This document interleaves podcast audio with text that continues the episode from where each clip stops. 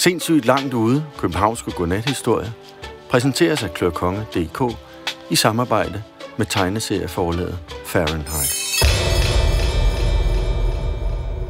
En golfianernes garage. Der var engang en overborgmester i København, der hed Jens Kramer Biksemad. Jens Kramer Biksemad havde tre store lidenskaber her i tilværelsen. Den første var hans røde seler. Den anden var, når hans kone lige hæv ud i dem om morgenen, og derefter slap dem. For derefter var overborgmesteren klar til sin tredje store lidenskab, at sidde på Københavns Rådhus og skue ud over sit store skrivebord. Jens Kramer Biksemad elskede at være overborgmester i København. Det gav så mange gode stunder. Som nu, for eksempel dengang ingolfianerne kom til byen. Ingolfianerne havde rejst mange lysår og landet ude på Kløvermarken. Ja, faktisk landede de midt i midtercirklen på en af de store fodboldbaner. Og de landede midt i en anden halvleg, så der var en del fodboldspillere, der måtte flytte sig. Eftersom der var tale om et rumskib, var det ikke overraskende rumvæsener, der kom ud af det, da døren endelig åbnede sig. Deres øjne dinglede på lange stilke, og deres hud havde dette karakteristiske, svagt grønlige skær. Men de var slet ikke onde, ligesom man tit ser det i rumfilm. De fleste af fodboldspillerne var fra Amager, så de syntes især, at rumskibet var spændende. De gik hen og bankede på det og spurgte, hvor mange hestekræfter sådan en fætter mon havde, om rumvæsterne måske havde lyst til at køre ræs ud på Refshaleøen senere. Men ingolfianerne nåede aldrig at svare, for i det samme kom overborgmester Jens Krammer Bikse med ilende. Nogen havde åbenbart ringet til ham og sagt, at der var kommet fint besøg til byen. Borgmesterkæden dinglede om halsen på ham og slaskede mod den tykke vom. Ingolfianerne blev lidt bange for ham og trak sig tilbage. Men fodboldspillerne sagde, at de som en rolig kunne tage det roligt, for det var jo bare Mester Biksemad. Det kaldte de ham. Mester Biksemad. Da overborgmesteren kom hen til rumvæsenerne, der var vel en 10-12 stykker af dem, så bukkede han for dem, og i forvirringen kom han endda til at neje, men det var jo for, at de kunne føle sig rigtig velkomne. Om aftenen var der fest på rådhuset, og rumvæsenerne fik i stakkevis af rådhuspandekager. Rådhuspandekager er vidt berømt over stort set hele verden, og i store dele af Jylland også. Der var inviteret mange københavnere med til fest på rådhuset, og de spurgte nysgerrigt til ingolfianernes liv. Det var i den anledning, man fik at vide, at de kom fra planeten Ingolf, hvilket man dog havde regnet ud, eftersom de jo var ingolfianere. Mere interessant var det sådan set at høre, hvor Ingolf lå. For hertil sagde de kære rumvæsener, at man fra jordkloden kunne se planeten Ingolf mellem klokken 2 og klokken 3 om natten, hvor den stod som en lille lysegul plet lidt til venstre for månen. Og sådan gik snakken, og man spiste tonsvis af pandekager, og så mange, at såvel københavnere som ingolfianere snart rendte rundt og småbøvsede og så gravide ud. Overborgmester Jens Kramer Biksemad og en af ingolfianerne konkurrerede lige frem om, hvem der havde den største mave. Overborgmesteren hæv op i skjorten og fremviste en vom, der faktisk lignede en kridhvid basketball med navle. Hvilket fik det for et af ingolfianske rumvæsen til at strutte med sin vom, der faktisk lignede en grøn basketball, dog uden navle, fordi ingolfianere bliver udklækket i æg. Så kiggede rengøringskonen på sit ur og slog på sin fejebakke, og det betød, at hun snart gerne ville hjem, og at det derfor var bedst, hvis der kom lidt skred i sagerne. Man skulle i gang med gaveuddelingen. Overborgmesteren stoppede skjorten inden for bukserne igen, satte silerne på plads og var lidt efter klar til at tage den højtidelige mine på og overrække ingolfianerne byens nøgle. Det er den nøgle, man kan låse sig ind i borgmesterens barskab med. Det er jo sådan et symbol, sagde overborgmester Bixema.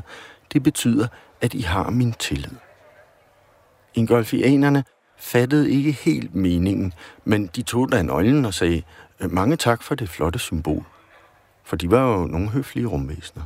Så rakte en af dem ned i sin rygsæk og fiskede et fotografi frem, som overborgmesteren fik. Jens Krammer Biksemad kiggede længe på det. Øh, det ligner en garage, sagde han så. Alle engolfianerne nikkede, og så ivrigt, at deres øjne nikkede videre et par sekunder efter. Ja, øh, mere præcist er det jo et billede af en garage, men garagen findes skam i virkeligheden, og kan du gætte hvor? Borgmesteren nærstuderede billedet. Den stod i et villakvarter. Det kunne meget vel være Rødovre, hvis det ikke lige var fordi, det hele så så lysegult ud. Overborgmesteren kløede sig i nakken og sagde, at billedet vel stammede fra planeten Ingolf. Hvilket ingolfianerne bekræftede. Så har du noget at parkere din bil i, når du engang kommer og besøger os. Jens Krammer Biksemad stirrede på fotografiet. Øh, ja vel ja, sagde han. Ja, det er der måske ikke meget symbol over, sagde en af ingolfianerne og skævede til de andre. Det betyder slet og ret, at du skal være velkommen, og at vi allerede har gjort klar til dig. Ja, vi har dog ikke ret op endnu, indskød en af de andre hurtigt. Overborgmesteren fik en tårer i øjenkrogen, for det var vel nok en betænksom gave. Der var jo aldrig andet end parkeringsproblemer alle steder. De intelligente rumvæsener havde virkelig ramt et ømt punkt. Og Jens Krammer Biksemad tænkte med skam på, hvordan engolfianernes stolte rumskib lige nu stod parkeret ude på Kløvermarken, midt i en midtercirkel. Så slog rengøringskonen på bakken igen, og det betød, at man godt kunne begynde at humme sig hjemover. Lidt efter stod flokken nede på rådhuspladsen og snakkede om, hvor de nu skulle gå hen. Bygger- og teknikborgmesteren ville på diskotek Abehjerne og høre fynsk techno – mens overborgmesteren gerne ville i muddergrøften i Tivoli og spise højt belagte rejemader, eller kigge på dem, for han kunne virkelig ikke få en bid mere ned. Efter en halv times tid besluttede man sig så for diskotek Abehjerne. Og mens musikken bulrede lystigt, og Jens Krammer Biksemad knipsede med fingrene i takt til musikken, kom der en lidt krybende grå skikkelse hen og hæv overborgmesteren i skjorten. Det var kommunens økonomichef. Jens Krammer Biksemad spjættede først forskrækket og sukkede så med vimmelse, da han så, hvem det var, der var kommet snigende. Han havde prøvet at undgå den kedelige mand hele aftenen. Økonomichefen fumlede med fingrene i sit overskæg. Indimellem smuttede en finger op i næsen på ham. Han var virkelig utjekket. Men sådan er det ofte med folk, som har styr på det metal. Ja, det er, jo, det er jo dyrt med sådan en, en pandekagefest, sagde økonomichefen. Jeg talte 312 beskidte glas, 214 beskidte tallerkener, 819 beskidte gafler og skeer, og som... Ja, sagde overborgmesteren. Det er jo dyrt at holde fest. Økonomichefen tog et papir frem fra inderlommen og pegede ned på nogle tal. De stod vist nok sirligt opmarcheret, men for overborgmesteren at se myldrede de bare rundt på papiret som rasende røde skovmyrer. Økonomichefen mente, det stod meget slemt til med økonomien i Københavns Kommune. Jeg tror faktisk, vi befinder os på randen af en bankerot, siger han. Nå, sagde overborgmesteren træt. Men økonomichefen insisterede og pegede ned i sine kedelige tal og snakkede løs om budgetoverskridelser og overforbrug og offentlige udgifter og betalingsbalancer og flekslån og kvarte procentpoint og renten i eurolandene og klorkeringer og KFX-indekser og transportudgifter og alt det, der kostede så mange penge, inklusive fanden og hans pumpestok, men uden moms. Overborgmesteren puffede den lille mand til side og sagde, at han lige skulle på toilettet, og han straks ville være tilbage og drøfte det alvorlige problem. Men han flygtede, gjorde han, Overborgmesteren flygtede ud på strøget med sin karakteristiske stormfulde løbeteknik, og det var takket være den, det lykkedes ham at mase sig igennem strøget, selvom det var fyldt godt op med turister. Først da han var sikker på, at økonomichefen ikke fulgte efter ham, satte han tempoet ned til hastige skridt. Øv, surmulede overborgmesteren. Altid skal det handle om penge. Penge, penge, penge. Uden for det kongelige teater stødte overborgmesteren på den stenrige tæppehandler. Marsk Magrini Møller. Tæppehandleren havde netop siddet inde i teater og fået en knaldgod idé, sagde han til overborgmesteren og dunkede ham i ryggen. Og den gode idé gik ud på, at tæppehandleren skulle have en rigtig dejlig grund af Københavns Kommune, kvitterfrit, ganske gratis, uden at det skulle koste ham noget som helst, for så ville han bygge noget fint halvøj på den. Jens Krammer Biksemad var ikke lige frem i humør til at høre på tæppehandlerens tiggeri. Kommunen rendte da ikke sådan rundt og forærede byggegrunden væk. Så overborgmesteren afslog så høfligt han kunne, trak frakken op om ørerne og ilede videre. Da han var kommet hjem, kyssede han sin kone godnat med spidse læber, og derefter lagde han sig og drømte sig op på planeten Ingolf. Da han endelig faldt i søvn, drømte han nøjagtigt det samme, bare på en lidt mere rodet måde. For eksempel blev økonomichefen midt i det hele sendt afsted til Saturn i en raket af spåndplader. Dagen efter skulle ingolfianerne hjem igen. Der var mange mennesker, der ønskede at sige farvel til dem, og derfor havde taget turen ud til Kløvermarken. Der var også en del fodboldspillere derude. De ventede på at komme videre med kampen. Rumskibet havde fået en del parkeringsbøder, men dem skulle kommunen nok betale, sagde Jens Krammer Biksemad flov og tog imod den stak, som en af ingolfianerne rakte ham. Det er en spoiler. Ja. Snart efter stod rumskibet og simrede og bulrede i luften over Amager og gjorde luften tyk af dieselrøg. Ingolfianerne tonede frem i forruden deroppe og vinkede og vinkede. Og københavnerne vinkede og vinkede tilbage. Så vendte rumskibet på en tallerken, vendte forruden mod det ydre rum, og var fem sekunder efter ikke meget større end en plet på himlen. Og to sekunder efter var det ikke meget større end en plet, der allerede er forsvundet. Overborgmesteren stod snart alene tilbage på kløvermarken og vinkede automatisk mod himlen. Så tvang en fjern dommerfløjte ham vågen, og han begyndte at bevæge sig ind mod byen igen. Han tænkte på, at ingolfianernes garage var den fineste gave, han nogensinde havde fået. Jeg må give dem en tilsvarende gave, sagde overborgmesteren til sig selv. Så skød han underlæben frem og knyttede næverne. Det betød som regel, at han var beslutsom, men ikke lige vidste, hvad det var, han skulle beslutte. Da overborgmesteren lidt efter gik over Knibbelsbro, stillede han sig ved rækværket og snusede den friske havneluft ned i lungerne for at klare sine tanker. Det lykkedes sådan set meget godt, for snart var han i stand til at lade et roligt blik glide ud over havnen. Han var også i stand til at konstatere, at der var mange gode og værdige byggegrunde, der gik helt ned til havnebassinet. Ikke mindst den store, tomme grund, der lå lige over for Amalienborg på den anden side af vandet, fandt han interessant. Det var jo militærets gamle område, Holmen, der på det tidspunkt lå ubenyttet hen. Og overborgmesteren så pludselig for sit indre blik, hvordan kommunen på dette fornemme sted skulle lade opføre en ankomsthangar for rumskibe fra Ingolf. Ja, og andre planeter også, hvis der var nogen, der skulle få lyst til at kigge forbi. Overborgmesteren smilede bredt, men ikke så længe, for i det samme dukkede der en fjern stemme op i hans hoved. Det var den sure økonomichefs stemme, der meldte sig. Jo, altid skal det handle om penge, sukkede overborgmesteren og så med længsel ned på den tomme grund. Penge, penge, penge.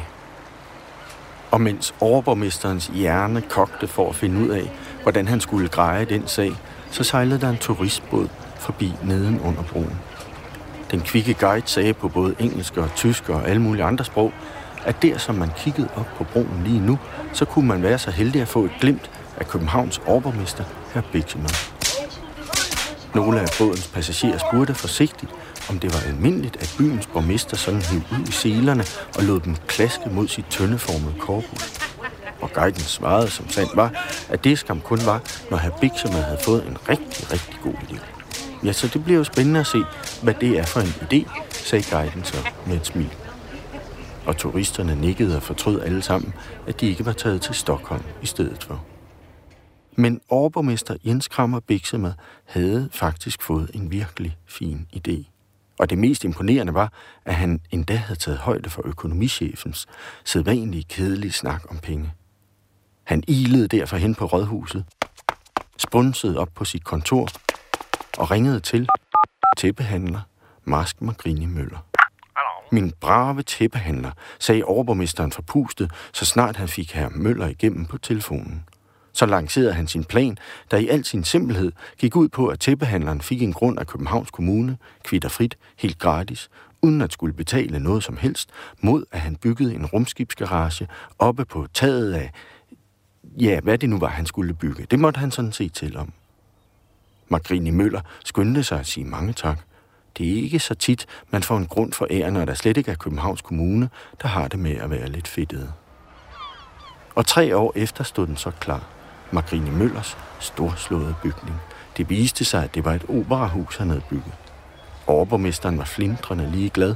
Han hørte alligevel kun Grand Prix-melodier, og så selvfølgelig sange fra de varme lande i borgerrepræsentationen.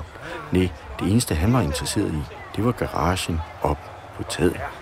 Så da alle folk stod og sagde nej og Nøje, mens de lod blikket vandre over den store bygning, så trådte borgmesteren et par skridt tilbage og havde kun øje for garagen, der var placeret som en grå kæmpe klump allerøverst, og som kunne skyde portene til side og således på en gang symbolsk og helt reelt indlemme engolfianerne og deres rumskib midt i Københavns hjerte. Da der var åbningskoncert, sad overborgmesteren ved siden af dronningen. Øh, har her overborgmesteren myre i bukserne? spurgte dronningen på et tidspunkt, fordi hun jo godt kunne se, at han sad lidt urolig. Æh, deres majestat, sagde overborgmesteren. Jeg tror, jeg bliver nødt til at smutte hen på kontoret. Der er noget vigtigt, jeg bliver nødt til at ordne. Jamen, I bevares, sagde dronningen og så bekymret ud. Nu skal de pudre deres bukser mod myrer. Øh, nej, mumlede borgmesteren. Jeg har simpelthen blot et vigtigt, ja, et uopsætteligt ærne. Dronningen nikkede og rettede sig igen til æderkikkerten mod scenen, hvor nogle folk hoppede rundt og skrålede, fordi det tøj, den kreative majestæt havde syet til dem, sad en anelse for stramt. Overborgmesteren gled fra stolen og ned på gulvet, kravlede i et tempo og på en måde, som ellers kun lynkrabberne mestre, ud af operaen. Udenfor rejste han sig i fuld figur og spænede derefter op til sit kontor. Han faxede straks et foto af den nye, mægtige garage til planeten Ingolf. I bunden af billedet skrev han, fra Københavns Kommune til planeten Ingolfs beboere, blot så I ved, I altid er velkomne. Borgmesteren satte sig og ventede. En times tid efter kom der fax tilbage. Det var selveste kejseren af Ingolf, der svarede, og han skrev, at det var en smuk tradition, Københavns Kommune der havde taget op, og at det viste, hvor stærke båndene var mellem planeten Ingolf og, som det hed, her overborgmesterens erhverdige kommune. Overborgmester Jens Kramer med, nikkede tilfreds og strakte sig, så slukkede han for faxmaskinen og for lamperne og gik ud. Han gik ned til havnen og kiggede over på operaen og den funklende garage, der stod oppe på taget. Der var rigtig nok liv og glade dage derovre, kunne han høre. Men overborgmesteren savnede egentlig ikke at deltage i festlighederne. Han vendte sig og kiggede op mod rådhusuret. Klokken var lidt over to. Overborgmesteren smallede nu øjnene og så en tændst op mod nattehimlen. Lidt til venstre for månen. Og et øjeblik efter trådte en lille lysegul plet frem for hans øje. Hvis han ikke tog meget fejl, så var der endda en lille plet inde i pletten, der mindede om en tom garage. Sindssygt langt ude københavnske godnathistorie er skrevet og indtalt af Boris Bold Johansen med lyd og teknik af Bosse Bo i samarbejde med tegneserieforlaget Fahrenheit. Husk, at du nu kan købe Klør Kongebøger hos din boghandler. De er i hardback og er fyldt med funky tegninger.